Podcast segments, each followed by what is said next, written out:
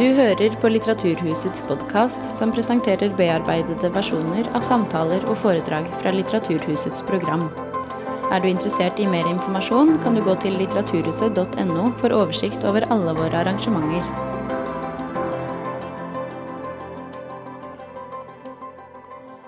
Hei, alle sammen. Fint å se at mange har eh, tatt turen inn fra finværet for å få med seg det her. Eh, jeg heter Åse Lappegårland, og jeg jobber med det kunstneriske programmet her på Litteraturhuset. Skammen over å være kven har nok vært stor. Mine besteforeldre og min mor skulle bare lære norsk, ikke kvensk, uttalte forfatter Kjersti Anfinsen nylig til Aftenposten. Det kvenske språket er nesten forsvunnet etter 200 år med fornorskningspolitikk. Og det ble først anerkjent som et minoritetsspråk i 2006. Så hva betyr denne historien og situasjonen for videreføringen av den kvenske og norsk-finske kulturen? Og ikke minst, hvordan påvirker det forfattere med kvensk bakgrunn? Både Anfinsen og kveldens andre gjest, M. Seppola Simonsen, ble kjent med eget kvensk opphav i voksen alder. De har begge utforsket den kvenske tilhørigheten, eller manglende tilhørigheten, i skrift. Hvordan skriver man i dialog med en kultur som sitter i kroppen, men som man ikke har ordene for?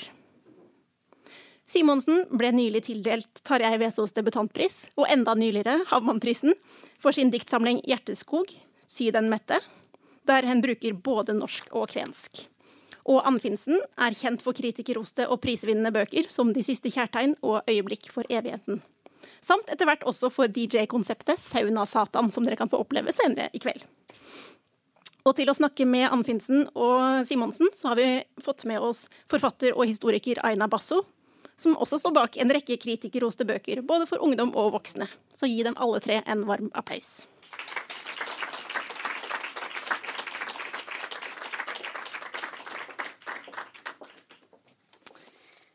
Gidos Baljon Åshild eh, og Huve Ilda Gaiki.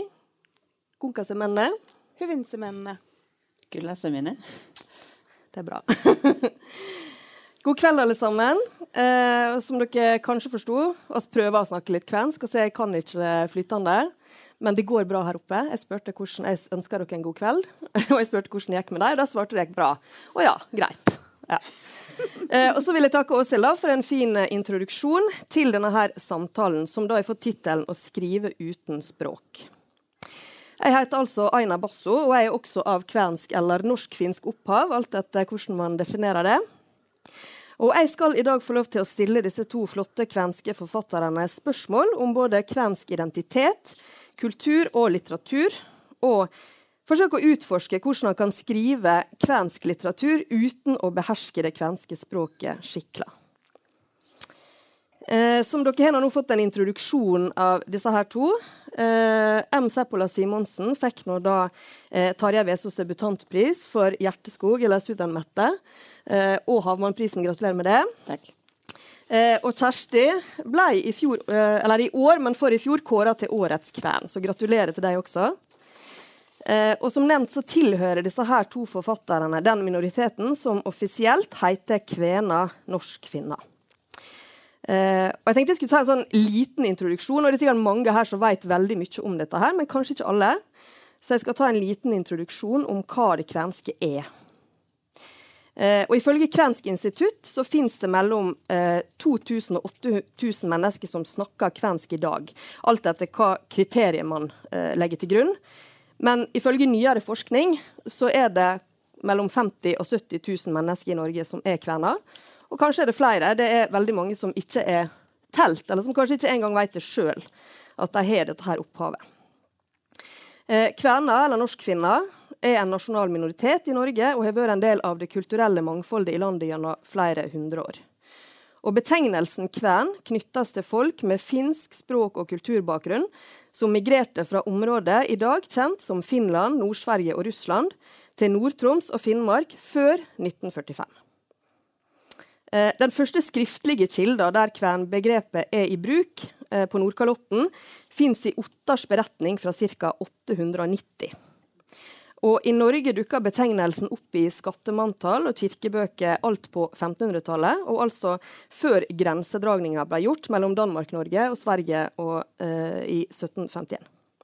Migrasjonen særlig, eh, tiltok særlig på 1700- og 1800-tallet, og det kvenske språket ble offisielt anerkjent som et minoritetsspråk i Norge gjennom språklova i 2005. Eh, kvensk er et østersjøfinsk språk som på mange måter skiller seg fra moderne finsk, i den grad at han kan si at det er et eget språk og ikke bare en gammel finsk dialekt, som veldig mange har lært eh, av de som eh, tilhører den kvenske norsk-finske minoriteten. Kvensk er nært beslekta med meängieli, som er minoritetsspråket som blir snakka i Tårndalen, og som betyr 'vårt språk', og med nordfinske dialekter. Eh, og den kvenske eh, norsk-finske minoriteten ble, i likhet med samene, hardt ramma av fornorskningspolitikken, til den grad at det kvenske språket i dag blir regna som et av verdens mest utrydningstrua språk. Det er heller ikke bevart mye materiell kulturarv. Eh, og i det hele tatt så er dette her en kultur og et språk som ofte blir omtalt som usynlig, og en minoritet som har blitt kalt taus.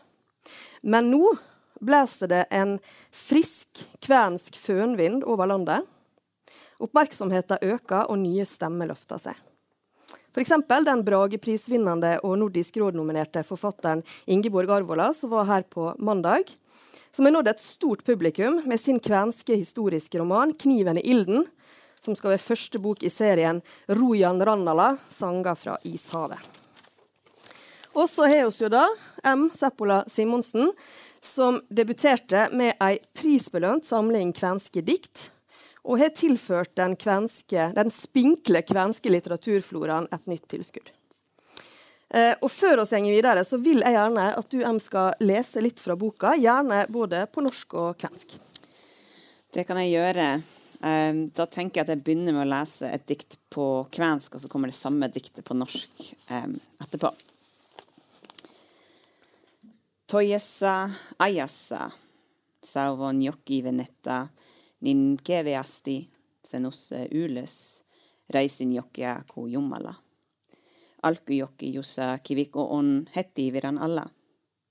Ja olen niin keveä. Ja sama on venet, olemme aina tehneet tätä maatallisessa vessissä. Olemme tuha tehty tähän. I en annen tid stak jeg en elvebåt så lett den raser opp Reisinjokki som en gud. Urelva hvor steinen ligger like under strømmen. Og jeg er så lett, og det samme er båten. Vi har alltid gjort dette på grunna. Vi ble laga til dette formålet alene. Og så kanskje også et par dikt som handler om kvensk språk litt mer direkte.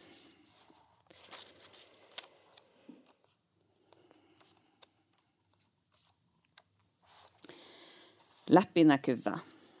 Arven er uten farge, vann i direkte sollys flytende under tunga. Det er kvensk å tru at man ikke er kvensk. Og så til slutt kanskje et fra boksingen min som også handler om det å skrive uten språk, for selv om jeg leser på kvensk, så er det ikke egentlig et språk som jeg behersker så veldig godt. Det første jeg ser, er silhuetten av en mann i ei smie. Han drar handa over brynet og krummer seg for å slå et kraftslag.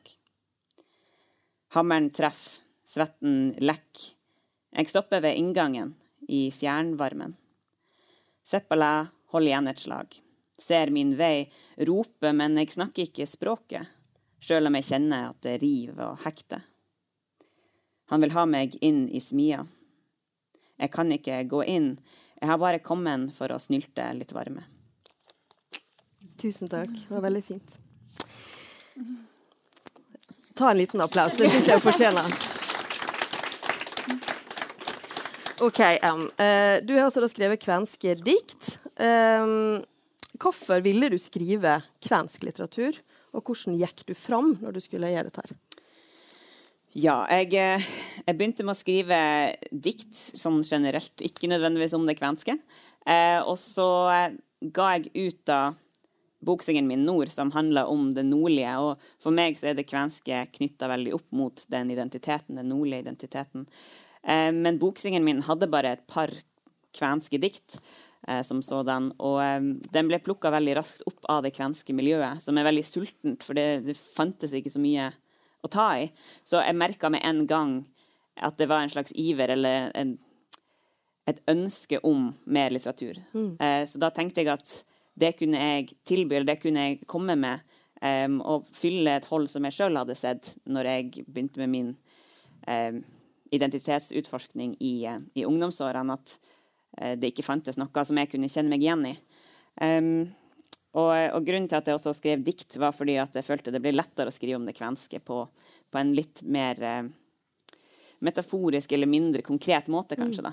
Um, ja, så, det, så, jeg endte på en måte opp her uh, av egen vilje, men også fordi jeg har lyst til å gi tilbake til, til et miljø som har vært veldig åpen og imøtekommende. Ja, ikke sant. Eh, og så har jeg eh, hørt i et annet intervju med deg at du satte deg litt ned med den kvenske ordboka og fant ord som på en måte talte til deg, som eh, kunne rett og slett bli utgangspunkt for dikt. Ja, jeg jeg tenkte jo når jeg skal skrive om det kvenske, hva, hva er det for noe? Mm. Og det er jo det som sikkert mange sliter med, hvis, sånn som du sa, at den materielle kulturarven, eh, kulturen har blitt løsreven fra det. Så eh, jeg tenkte, hvordan skriver jeg om det kvenske? Språket er jo et så sentralt element som, som bærer all annen kultur. Um, og jeg følte også at jeg kunne tilnærme meg naturen og tematikken gjennom språket på en bedre måte. Mm. Så da, da prøvde jeg å finne ord som kunne beskrive en natur som er spesifikk til, til nordområdet. Um, og så ga det meg mye inspirasjon da, til å bygge opp et dikt rundt eh, de forskjellige ordene. Og det er jo noen av ordene som ikke er, at man ikke kan oversette til norsk. Og, um, og det, da handler det jo på en måte ikke bare om naturen, men også om eh, språket i seg sjøl og mangelen på språket. Og, mm. um, det er en viktig del av min identitetsforskning som den boka representerer, er jo det er mangel på det språket, og prøve å ta tilbake elementer av det. Mm. Og Du har nå bl.a. et ord som jeg hus ikke husker nå, men det kan sikkert du, men som beskriver tomrommet mellom isen og vannet under isen. Ja, kommer, ja. ja som jeg syns var veldig fascinerende. Um, ja, det er spennende å høre. Uh, hva tenker du videre nå? Vil du fortsette å skrive kvensk dikt, kvensk prosa, eller noe helt annet, eller? Jeg tenker jo at uh, nå som det her var min første uh, utgivelse, at uh, jeg er blitt stempla kvensk forfatter, så alt jeg skriver, blir jo på en måte innenfor de rammeverkene kvensk. Um, så um, jeg, jeg, tror at mange av oss som driver med kvensk kunst og kulturuttrykk, føler at vi må etablere et slags et sånn grunnemur for kunsten. sånn at eh, jeg begynte med å skrive denne diktsamlinga om det kvenske uten å blande inn andre identiteter, bare rent kvensk. Mm. Og så kanskje noe som den eksisterer, at jeg kan prøve å ta det litt lengre, eller begynne mm. å gjøre det enda mer uh, smalt og snevert uh, sånn tematikkmessig. Men um, det er jo en tematikk som, jeg, som, er veldig viktig for meg, og som jeg har lyst til å fortsette å jobbe med. Ja, ikke sant. Ja. ja. for du, du, fortalte nå at du oppdaga at du hadde kvensk opphav i ungdomstida. Eh, og var det, da, var det, da, sånn at du på en måte måtte oppsøke den kunnskapen, eller var det noe som ble snakk... Var det tilfeldig, eller hva skjedde? Ja, det var vel bare eh, jeg har jo et veldig kvensk etternavn. Mm. Eh, og alle i bygda hvor uh, den sida av familien min kommer fra, er kvener. Så det var jo ikke det at det ble lagt skjul på, det ble bare ikke snakka noe særlig om. Mm. Så um, jeg vil jo si at om jeg hadde visst at jeg var kven, så hadde ikke oppveksten min vært noe annerledes. Fordi at oppveksten var så kvensk som det hadde vært uansett. Mm. men, men ja, det var Jeg måtte jo prøve å oppsøke og finne ut hva det betyr, for jeg tenker at for mange, spesielt unge, som um, begynner å komme noen generasjoner fra fornorskninga, så, så, må man vurdere om det er verdt å ta tak i det. Fordi mm. det er så mye eh, en last som kommer med det, da, med eh, fornorskninga, mye sinne og smerte rundt det. Og så må man tenke om man har lyst til å jobbe seg gjennom det da, for å komme ut på andre sida. Mm. Og det er sikkert mange som, som detter av på det punktet. Ja, ikke sant. Men hva, hva, føler du at dette her har betydd for deg, da? At du oppdaga at du hadde kvensk eh, opphav? Det er jo eh, det, det, har vært litt sånn opp og ned, på en måte. Veldig positivt å være med i en kvensk eh, kultur og kontekst og møte andre kvener. Det er jo en ressurs og har vært veldig flott eh, på den måten. Og, jeg føler jo i dag at kvenske er mye dem som er kvensk, og som ønsker å jobbe med det. At vi kan bestemme mye av hva det vil si. Eh, men så har det jo også vært eh, utfordrende eh, å skulle på en måte bestemme seg for å, å ta denne merkelappen og kalle seg kven, hva det innebærer. hva hvordan kritikk kan man få på bakgrunn av det. Jeg har ikke språket. Um, og nå tenker Jeg jo også, jeg har et ønske om å ta tilbake språket, men det er jo, det er jo ikke um, en veldig lett ting å gjøre. da. Nei, altså Onkelen min sa til meg en gang at hvis du lærer deg finsk, som han sa, da, men kvensk, som oss ville ha sagt, uh, i løpet av livet ditt, så jeg, blir jeg så veldig imponert. Han trodde ikke det var mulig engang å lære seg det flytende. det er ikke et veldig lett språk. Jeg vet ikke om han er rett, men det er veldig vanskelig. ja, det er sant. Men hva tenker du det betyr da å være kvensk, eller hva betyr det for deg?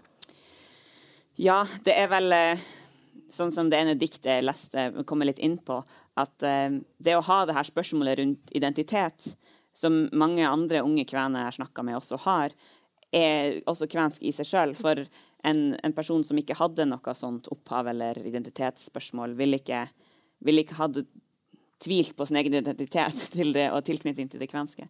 Men um, i dag så handler det jo både om slekt og språk og kultur, men, men også om um, om et fellesskap i det kvenske. Da. Så uh, eh, jeg tenker jo at vi som er unge, eller vi som jobber med det i dag, eh, vi er jo kommet litt i siste liten, sånn som du snakker om at det er en av de mest utrydningstruede mm. språkene i Europa.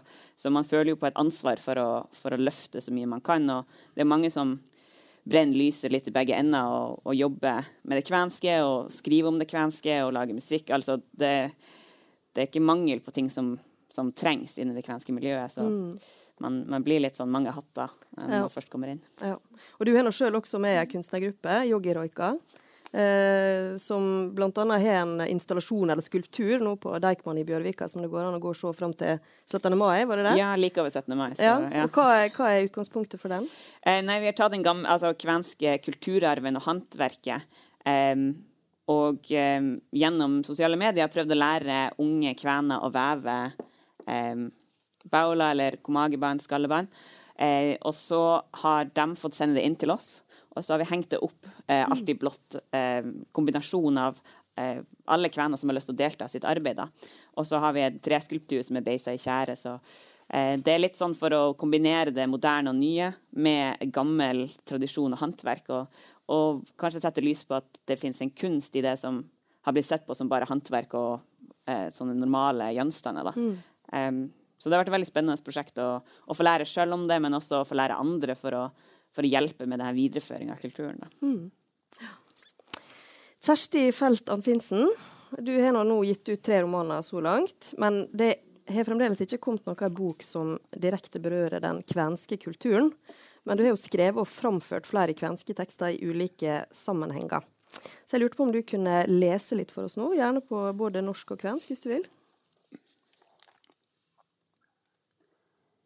Katselen kartasta, mikä vailu. Jovet, rajat, metät. Naamattomasta albumista. Löpi kaikki, mitä on unetettu. Mutta muut on kerran tiennyt. Tapt arkiv. Leter i kartet som mangler. Elver, grenser, skoger.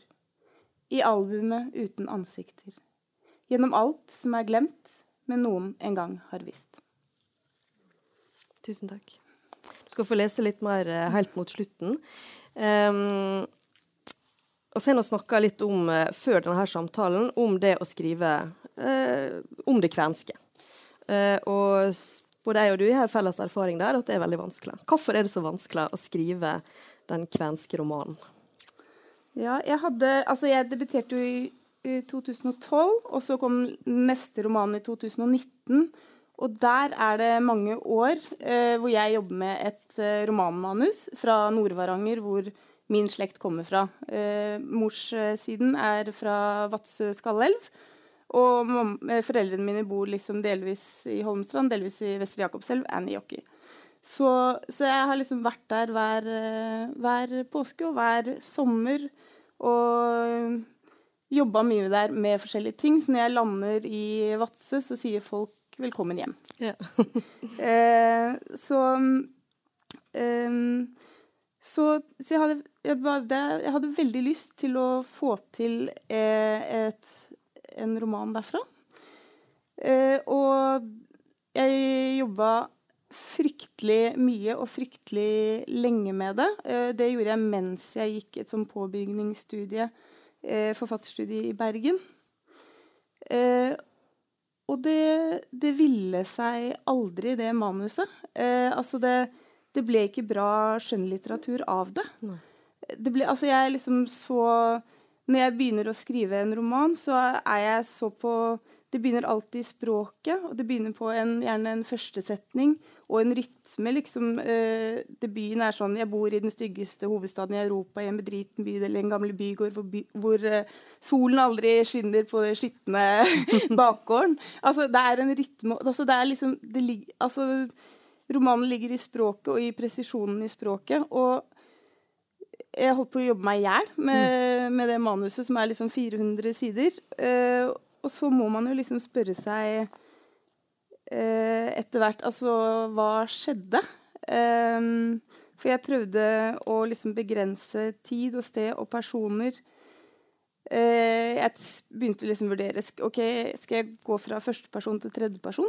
Um, og til slutt så måtte jeg bare nå må jeg gi opp. Ja.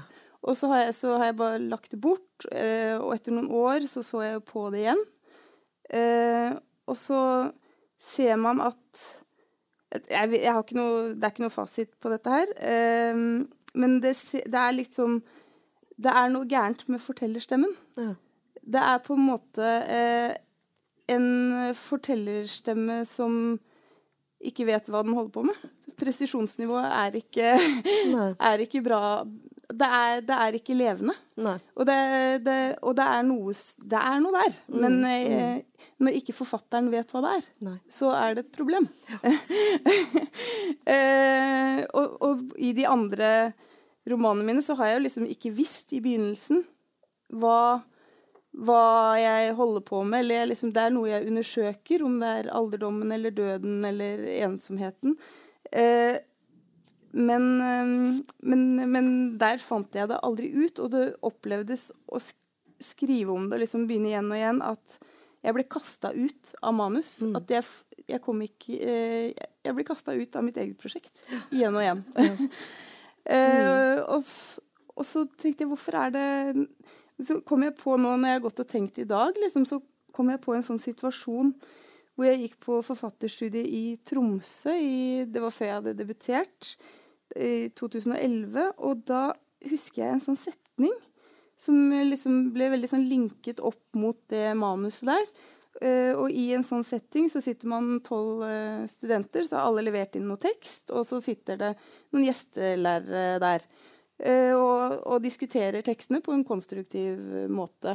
Og um, det gikk ikke noe særlig bra med min tekst, men det kan man lære mye av. Og, og det, ta, det, takler jeg helt fint. Og så sier han som var gjestelærer da, var Geir Gulliksen, så sier han sånn Ja, men Kjersti, hvorfor, hvorfor skriver du ikke om deg selv? Mm. Og så sa jeg bare Det var en sånn liten sånn Freudian slip, tror jeg. Og så Nei, men jeg er jo ikke viktig. Mm. Og, og, den setningen 'jeg er ikke viktig', mm. den bare Den hang i det rommet så lenge. Så bare ja, Der er det noe. Og så, så, så liksom ble den hengende. Og så ser han på meg, og så sier han Det er interessant. Ja.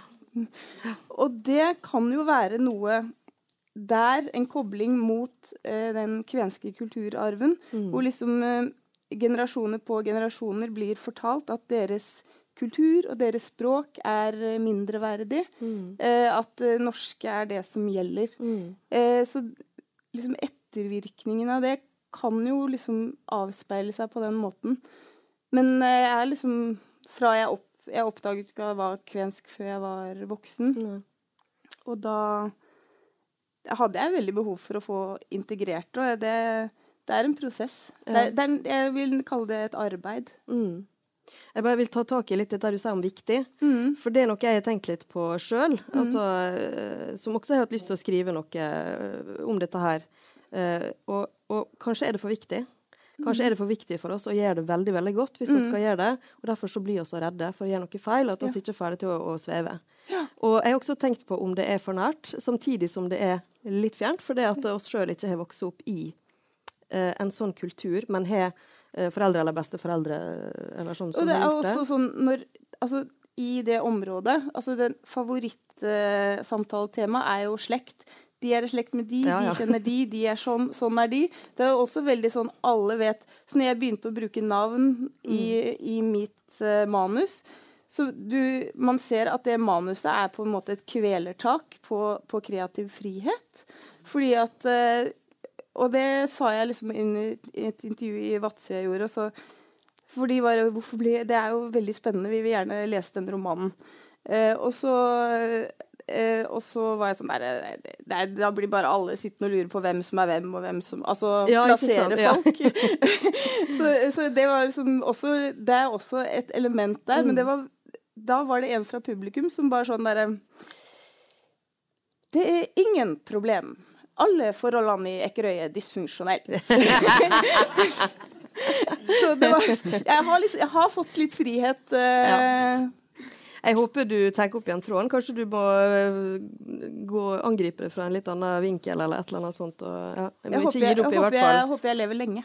Det tror jeg nok.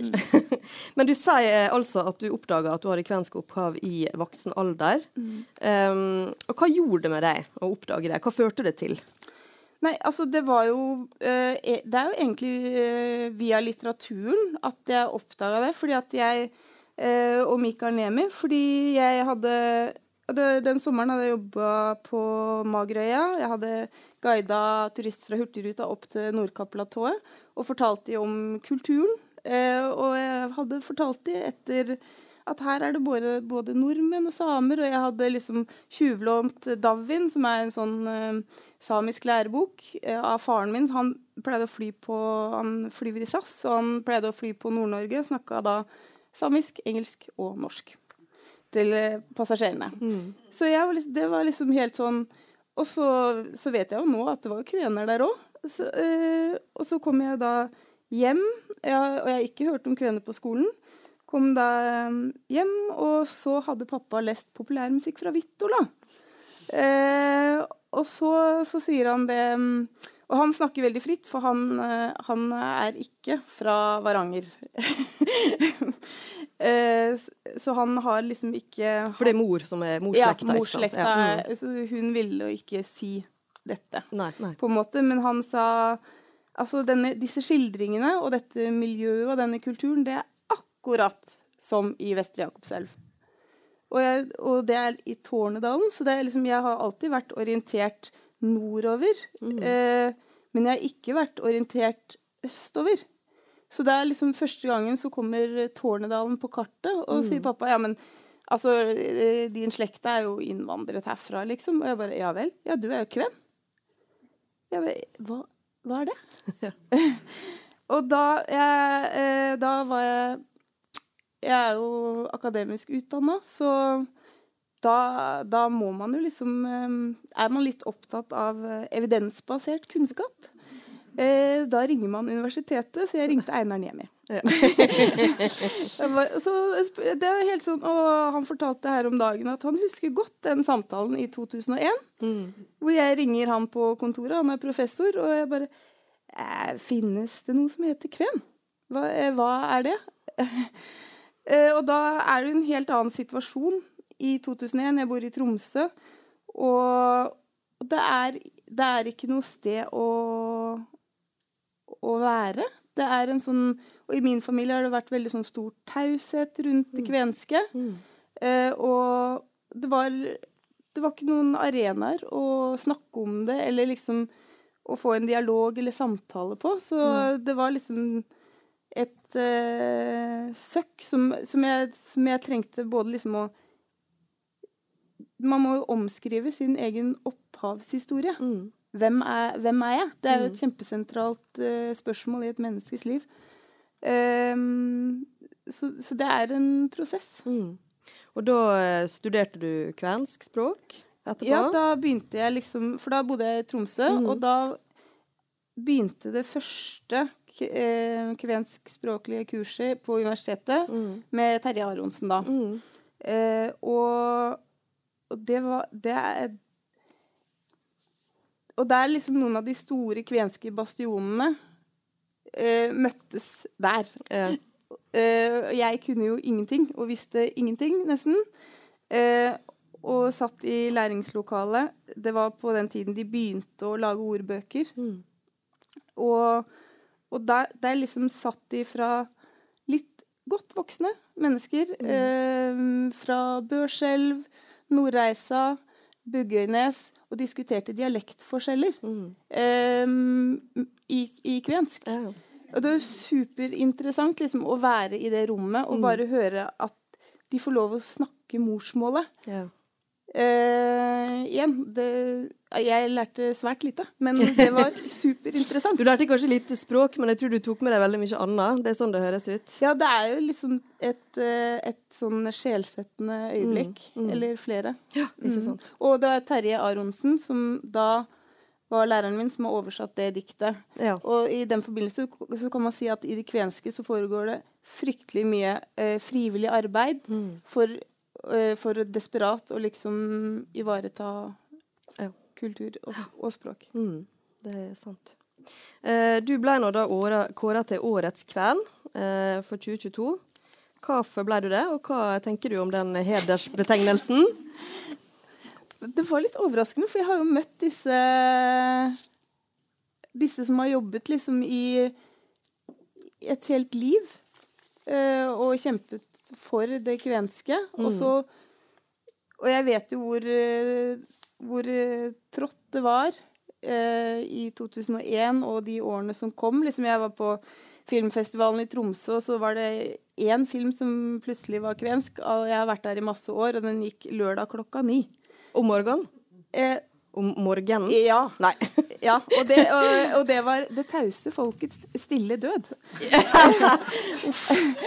ja. Eh, og Anstein Mikkelsen. Eh, Og du så den, selvfølgelig? Den så jeg. Ja. Ja. og det jeg er ikke et morgenmenneske. Nei. Til tross for. Men, eh, men det, er, det, det, det, er, det har liksom ikke vært eh, tilgjengelig. Nei. Jeg har Ja. Så um, Men Årets kven, hva var det som Ja. var bakgrunnen for det? Nei, bakgrunnen eh, Det var eh, to ting. Det var eh, Sauna Satan. Og så DJ-navnet DJ-navnet ditt? Ja. Mhm. Som dere kan høre her i kveld klokka ni.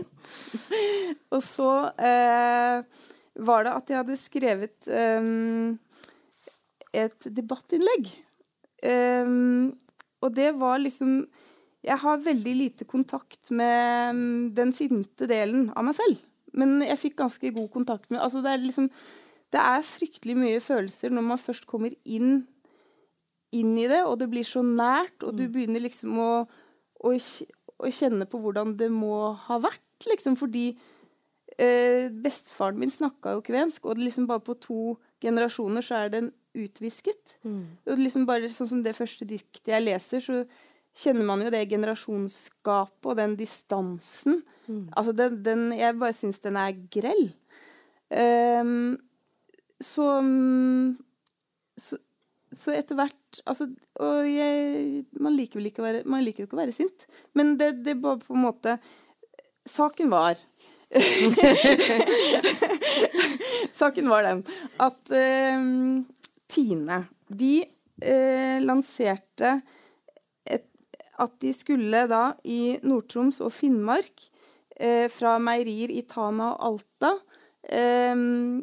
eh, selge melkekartonger med norsk og nordsamisk språk, og at det er på en måte en del av et, å, liksom ja, hylle mangfoldet og bidra til mangfold. Og da har jo ikke de Jeg tror ikke de vet hva kven er. Og, og det er på en måte i, i mange områder altså Dette er jo kjerneområder for kvener også. Og, og ta, både Alta og Tana er, har jo trestammers møte, så det holder. Eh, sånn at hvis liksom glad, gladnyheten er Altså jeg syns det er helt selvfølgelig at nordsamisk og, og norsk skal være på de melkekartongene. Absolutt. Men eh, det, det var liksom begynt å bli altfor mange ganger at uh, man møtes med det at kvensk utelates, eller er en bisetning, eller liksom det evalueres. Mm. Og i det også liksom verdien til et kultur og et språk som er uh, så truet. Mm. Så, og da bare um, Så, og, og i det debattinnlegget, da, så Det var fryktelig vanskelig å skrive, for du må ha så høyt presisjonsnivå, for det er så betent. Mm. Det er ganske trygt og fint å sitte her Mm. og snakke om dette, Mm. og, og ikke i, i Vadsø. Nei da, det vet jeg også. Mm. Ja. det er vanskeligere i nord, og det er naturlig Ja, at det er ja. slik. Ja. Ja. Men det, det var Og så ble det lagt ut på Nordnorsk debatt, og det er jo som å legge ut gratis Lego på Finn, for å si det sånn. Eh, da det, det ble ni et, Jeg har ikke lest eh, kommentarene, men det var sånn 900 meldinger, og mange var diskriminerende og rasistiske og hatefulle. Og veldig sånn Det var representerte jo veldig sånn Folk vet jo ikke hva kven er, ofte også, da. Mm. Så mm, det er betent. Så du stakk liksom hånda inn i kvepsebolet da du med det innlegget der, Ja. rett og slett? ja og da, det er ikke sånn du Det er ikke ett folkeslag mot et annet. Det, du, du utsetter deg liksom fra norsk kritikk, samisk kritikk og kvensk kritikk. OK. Eh, og så må vi snakke litt om det kvenske språket. Nå har nå du fortalt at du prøvde å lære deg det eh, da du var i kanskje 20-åra eller noe sånt, eh, på, da du bodde i Tromsø, og fikk ikke med deg så mye, men du kanskje lærte litt mer seinere, eller? Jeg prøver liksom ved hver anledning å plukke opp lite grann. Ja.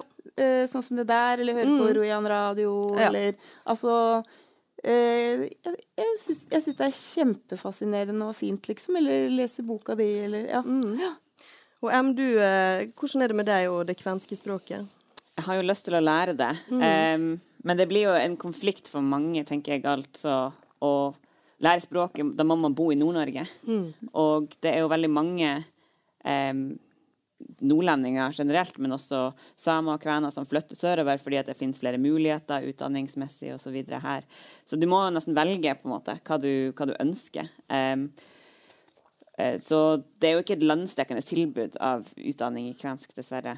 Men jeg prøvde jo gjennom det her å ta opp noen ord. Nå har jeg jo et veldig begrensa vokabular som eh, handler hovedsakelig om naturelementer, som ikke er veldig eh, anvendelig, kanskje, i vanlige Nei, i, i samtaler. dagligtale, liksom? Ja, Nei, jeg skjønner. Um, men, um, men jeg har jo planer om å ta det tilbake, og nå er det jo tre år siden eh, UiT hadde sitt hadde kvensk tilbud forrige gang, Mm. så jeg meldte meg opp til å ta det samlingsbasert nå til høsten, og så får vi håpe at det går. Ja. Um, men eh, ja, jeg prøvde også hjemme, og det finnes jo en app, det finnes et spill og sånn.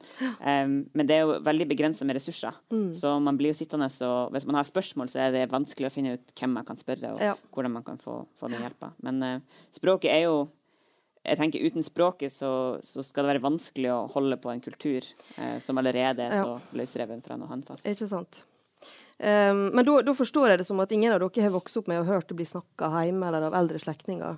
Nei. Ikke, Jeg har, altså, nei, jeg har hørt bestefar snakka, men ikke med oss. Han Mm. Nei. lærte meg å telle. Ja. Det var nok et glipp. Ja. Så, men mm. men eh, han Ja. snakka det med sine søsken, Ja. og liksom eh, Og lærte ikke videre til sine barn. Nei. Og mormor skjønte alt, men tok det ikke i sin munn. Nei, nettopp. Og tenker du det handler om eh, den skamma da, som kanskje ble påført eh, kvenene pga. Fornorsking, fornorskingspolitikken? Ja, altså eh, Mormor er jo et Hun, hun ble jo sånn kjempeflink norsk. Eh, mormor eh, begynte på skolen det året, 1936, hvor det ikke lenger var lov til å bruke kvensk som hjelpespråk i skolen. Nei. Og hun kom jo fra et hjem hvor storebroren han kunne bare snakke finsk da han begynte på skolen. Mm. Sånn at det, det, eh, dette forteller ikke hun noe om. Hun, hun sier at hun var veldig flink på skolen. Ja. Veldig flink. Mm. Og, og hun forteller også altså, Vadsø er jo liksom delt opp med en midtby, som er den norske byen, mm. og så er det ytre og indre Kvenby. Mm. Og eh, mormor og mange av våre slektninger skulle bare bo i norskebyen. ja, ikke sant. Og mormor var da liksom Hvis jeg prøver å Jeg, jeg føler hvis Når jeg spør om det kvenske Eller jeg må si finsk, for Ja, at ja, ja. det var det de kalte det det. de sa? Så, mm, så føler jeg at jeg plager henne. Oh, ja. Det er såpass, ja. Ja, og, Men jeg, nei, det er et lite til spørsmål, en lite innsmett der. For det at både jeg og du har noen aner fra den samme bygda, Skallelv, som var eh, nærmest rent finsk eller kvensk. Eh, pappa som var, var født i 1939, som da er ti år eldre, tror jeg, enn mormora di. Eh, han har alltid sagt det, at det var én nordmann i bygda, resten var finlendere, som han sier. da. Eh, og han fortalte det, at når han skulle begynne på skolen, da begynte de å snakke norsk hjemme, fordi de eldre brødrene de kunne ikke norsk. Eh, og da var det et sånt skifte. Så han begynte da på skolen i 1946, blir vel det da. Og da var det et sånt skifte at han da Han fikk da på en måte norsk som førstespråk, og ikke finsk eller kvensk. Eh, og så har det heldigvis i nå er han 84, begynte å dukke opp mer og mer av det gamle språket.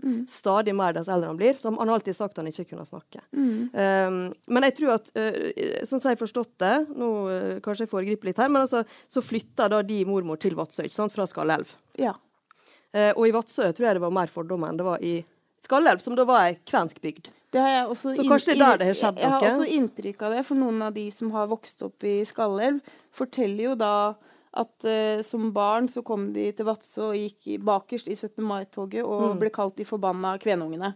Sånn at, eh, og, og mormor også var sånn, veldig sånn nøye på Mm. at hun var venninne med prestefrua og legefrua, som er veldig norsk, Ja. Uh, og, og det var godkjent. Ja. Altså, og hun er veldig opptatt av at det var mer enn godkjent. At hun skulle være godkjent, og da skal du være norsk. Mm. Ja, ikke sant. Så denne fornorskingspolitikken den har jo tatt veldig hardt tak. Men klart, i Skallelv, i Buggenes, i andre eh, sånne bygder, så var det jo eh, en finsk eller kvensk majoritetsbefolkning. Så der var det nok eh, Kanskje den skamma ikke ble så tydelig. Eh, Nei, det virker sånn for meg også. Også sånn som Buggenes, som ikke hadde vei så lenge. Så de er så skjerma.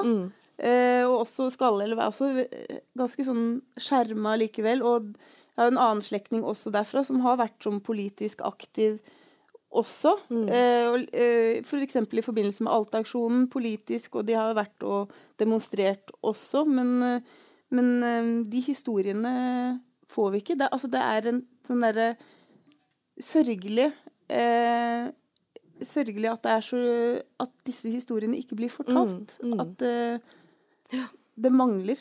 Ja, absolutt. Eh, jeg har nå, nå eh, kan ikke, skal ikke jeg eh, påberope meg å ha full oversikt over alle kvener eller norskfinner i Norge, men jeg har en slags sånn inntrykk av at mange har vært litt for sånn greie og flinke og lette å integrere og assimilere, og har vært veldig sånn føyelige og arbeidsomme og har lyst til å bli norske, gode nordmenn og sånn, um, uten at man da dermed skal legge noe skyld på på minoriteten sjøl for å ha blitt fornorska, for det mener jeg absolutt ikke. Um, men hva tenker dere om den påstanden? Gir det noe som gir gjenklang i deres familiefortelling? Du kan, M, kanskje du kan si noe om det? Ja, jeg er jo eh, fra Nord-Troms, og min familie bor jo langs E6, så det ble eh, fornorska tidlig i fornorskingspolitikken at det var på en måte strake veien opp mot Finnmark. Em, så derfor er det På mine veien opp, så tok ja, dere tok det veien. Så eh, min familie em, det var jo oldeforeldrene mine som snakka kvensk, og som ikke lærte det videre. Og jeg har jo vært og, og grovet og spurt um, mine besteforeldre og deres generasjon eh, om det var noe skam rundt det kvenske, og de sier nei, det var ikke noe skam, men vi fikk ikke lære det. Altså, det, var, det, var, det er liksom en, en sånn merkelig oppfatning om at det ikke er noe å legge skjul på, og ikke er noe skam rundt det, men det er heller ikke noe man snakker om, Nei. eller noe som man har noe behov for å lære. Nei. Så eh, det har vel eh, det har vært en sånn blanding, og så har du jo også litt av den her lestadianismen som er dryppa inn, og når, når kirka på en måte gikk over til, til norsk, så var det jo hand i hand det å være en god lestadianer på en måte med, eh, med språk og sånn, så det, det blir jo litt vanskelig for mange å prøve å finne en slags balanse. Em, men ja, det, det virker i hele min familie som om det å bli fornorska det var ikke noe som skjedde så veldig aktivt, eller noe de tenker noe særlig over, eller er noe trist for, men eh, bare noe som man glemmer å la være. Og så eh, handler det jo bare om å gjøre det beste ut av det nå. Så det er jo litt sånn å, å ta til tak i det man har, og Ja. eh, Jeg tenker jo også at på altså Sånn som med mormor på den tiden så, så i, Man er jo alle påvirket av samtiden. Og da var det en veldig fordel at uh, kvenske var usynlig. Og nå er det på en måte helt motsatt. Det er for at den kulturen skal den vinden som blåser i samtiden. For at den kulturen nå skal overleve, så må vi liksom bråke og, Mm. og snakke og i hvert fall prøve, prøve å finne ord, liksom. Mm. Ja. Eh, og det er nå en bølge av liksom, eh, kunstprosjekt knytta til det kvenske. Både litteratur, og det er teater, og det er installasjoner, skulpturer, andre typer ting. Eh, og hva tenker dere det betyr for liksom, statusen og synligheten for det kvenske? Altså, du sa nå akkurat at det er viktig. Eh, tenker du at kunsten og litteraturen er viktig, eller er det andre arenaer man må liksom kjempe på, eller? Nei, jeg, altså, sånn som jeg, som det er liksom over 20 år siden jeg oppdager at jeg er kven, det er ganske langt å finne steder Altså du må liksom veldig aktivt oppsøke steder for å komme i kontakt med det, og å liksom se hva som gir resonans hos deg selv. Så, eh, og vi mangler jo liksom en opphavshistorie, så, sånn som eh, Ingeborg Arvola eller tidligere Idar Kristiansen eh, har jo skrevet et firebindsverk Mm. eh, om den kvenske eh, innvandringen.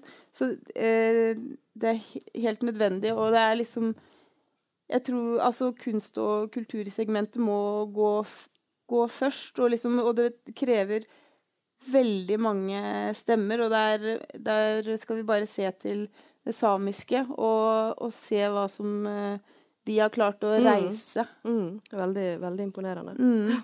Men jeg skulle si også, Ja. i forbindelse med det at vi Altså, det har jo vært eh, Altså, jeg, jeg, jeg, det er jo et så stort stort spørsmål, f.eks. Liksom etter Alt-aksjonen, hvorfor ikke liksom den kvenske kulturen også liksom ble med der. For det har jo vært kvenske stemmer inne der, men, og, og det er kjempespennende. Og jeg, jeg vet ikke, men øh, jeg bare vet sånn som Nei, den øh, Sånn som etter det havariet mitt, øh, så, så fødte jo jeg Birgitte.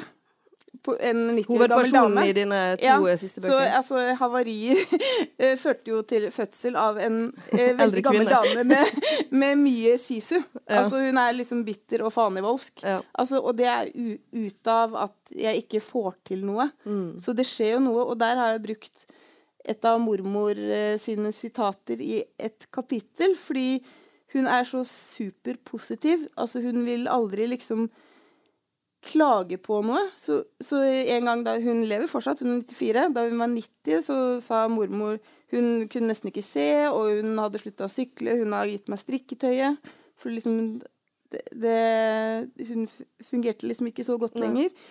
Og, og da mm, da sa hun noe som ble det kapitlet eh, som heter livstristhet.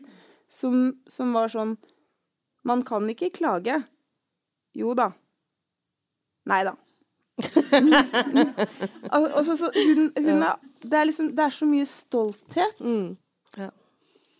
Men eh, Em, tilbake til, til litt kunstprosjekter da, eh, og yogiroika. Eh, hva, hva er prosjektet der? Altså, hva er det dere vil, og hva er det dere eh, jobber med nå? Ja, jeg kan jo si, sånn som du spurte om på en måte det politiske ved kunsten, hva som eh, må komme først. Eh, og jeg har jo snakka litt om og skrevet litt om eh, i forskjellige publikasjoner om hvordan det kvenske kunsten alltid er politisk, etter min mening. At du ikke kan komme unna det, sjøl om du vil, men det er ikke Ja. noe som jeg nødvendigvis vil komme unna.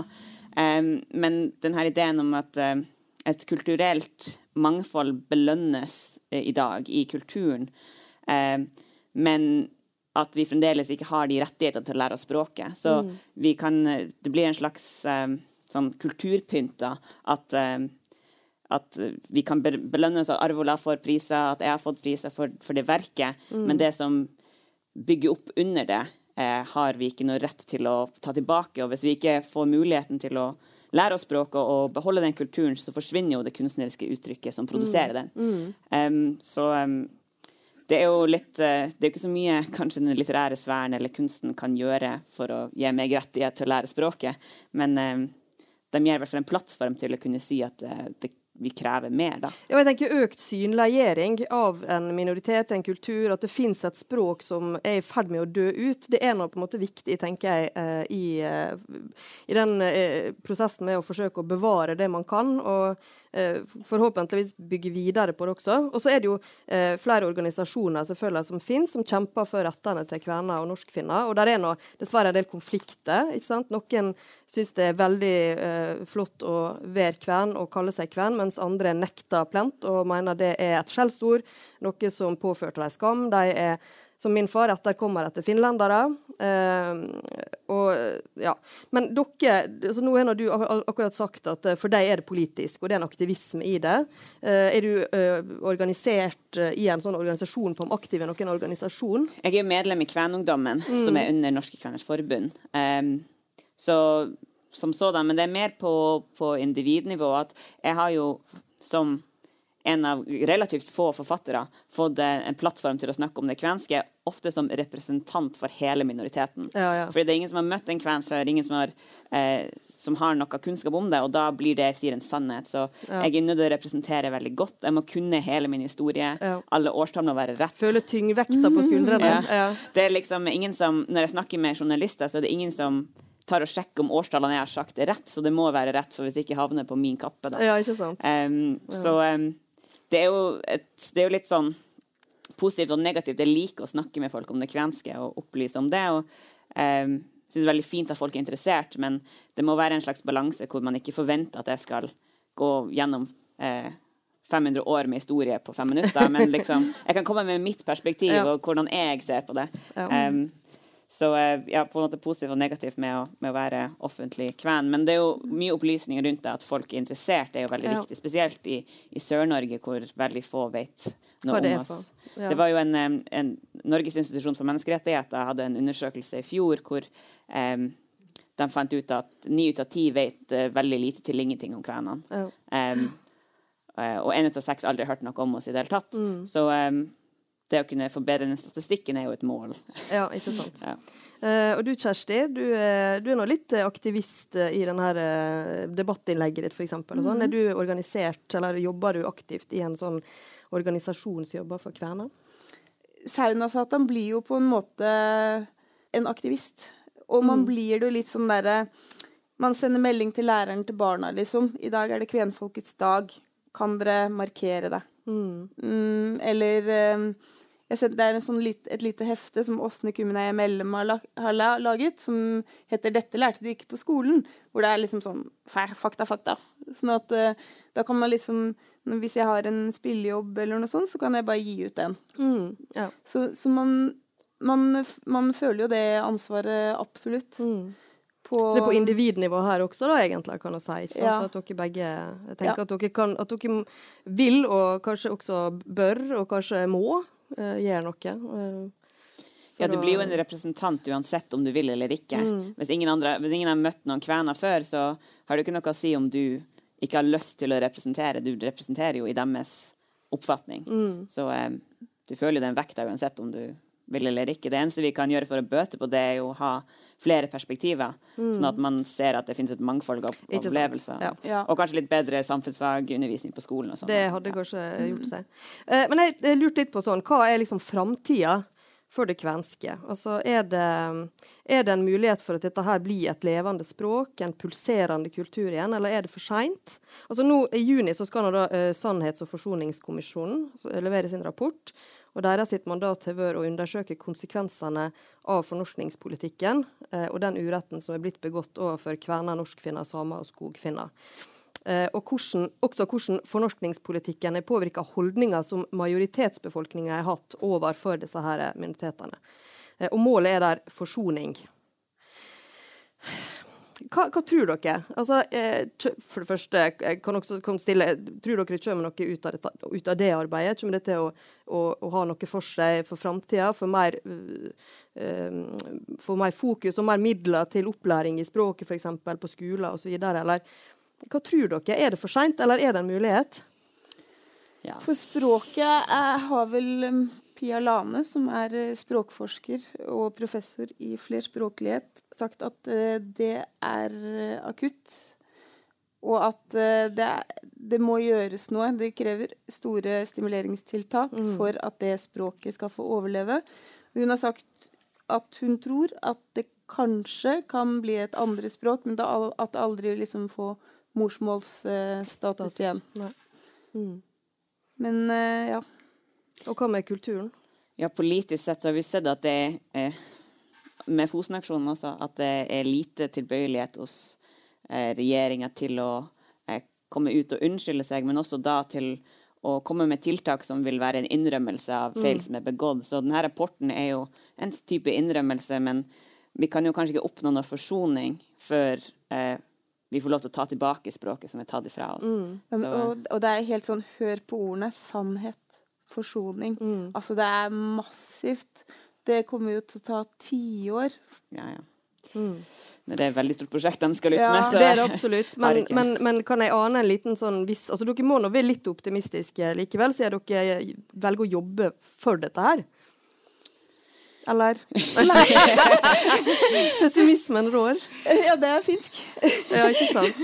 OK. Jeg tenkte at uh, nå er det på tide å avrunde, og da skal Kjersti få lov å lese et uh, Ja. siste dikt. Rajalaulu. Minun maatrivaanimet on luunet kuoron. Se on tosi. Et ointavaka et esseille. Joo, ja. Löntnantin suomet kasvava en kemministä. Kun kitten sisällä löytyy äidinkieli. Eikä tyhässä, ei. Niissä pellävä 13 000 hannuria. Aivan tosi. Ympäri melodioiden. Dansavirsi, juomalaulu, valsi, pikanaftu, pikanaftaflasku. Niin elävästi kuin läihin jo. Kaikki löypi sinua suuran rintan. Mie kukkuan kukkia minun isu äämeten käsistä. Kannan ne tulevaisuuten, sillä kun mie saatan. Grensesang. Mine forfedre har dannet et kor. Det er sant. De strekker armene frem, ja, og løytnantshjerter vokser ut fra håndflatene deres. Inni blomstene finnes morsmålet. Og ikke bare det, nei, der spiller 13 000 trekkspill. Helt sant. Flakkende rundt i melodiene danser ei salme, ei drikkevise, en vals, ei lita naftaflaske. Så levende som det går an, ja, gjenklangen dunker deg rett i brystet. Jeg plukker blomstene fra mine oldemødres hender, bærer de like inn i fremtiden, fordi jeg kan. Tusen takk.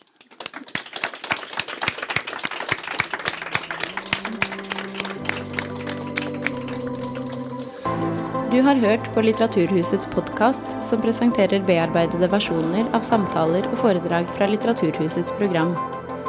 Del gjerne podkasten med familie og venner via iTunes eller Soundcloud om du liker det du har hørt. Følg oss også på Facebook og på litteraturhuset.no for informasjon om flere aktuelle arrangementer. Musikken er laget av Apotek.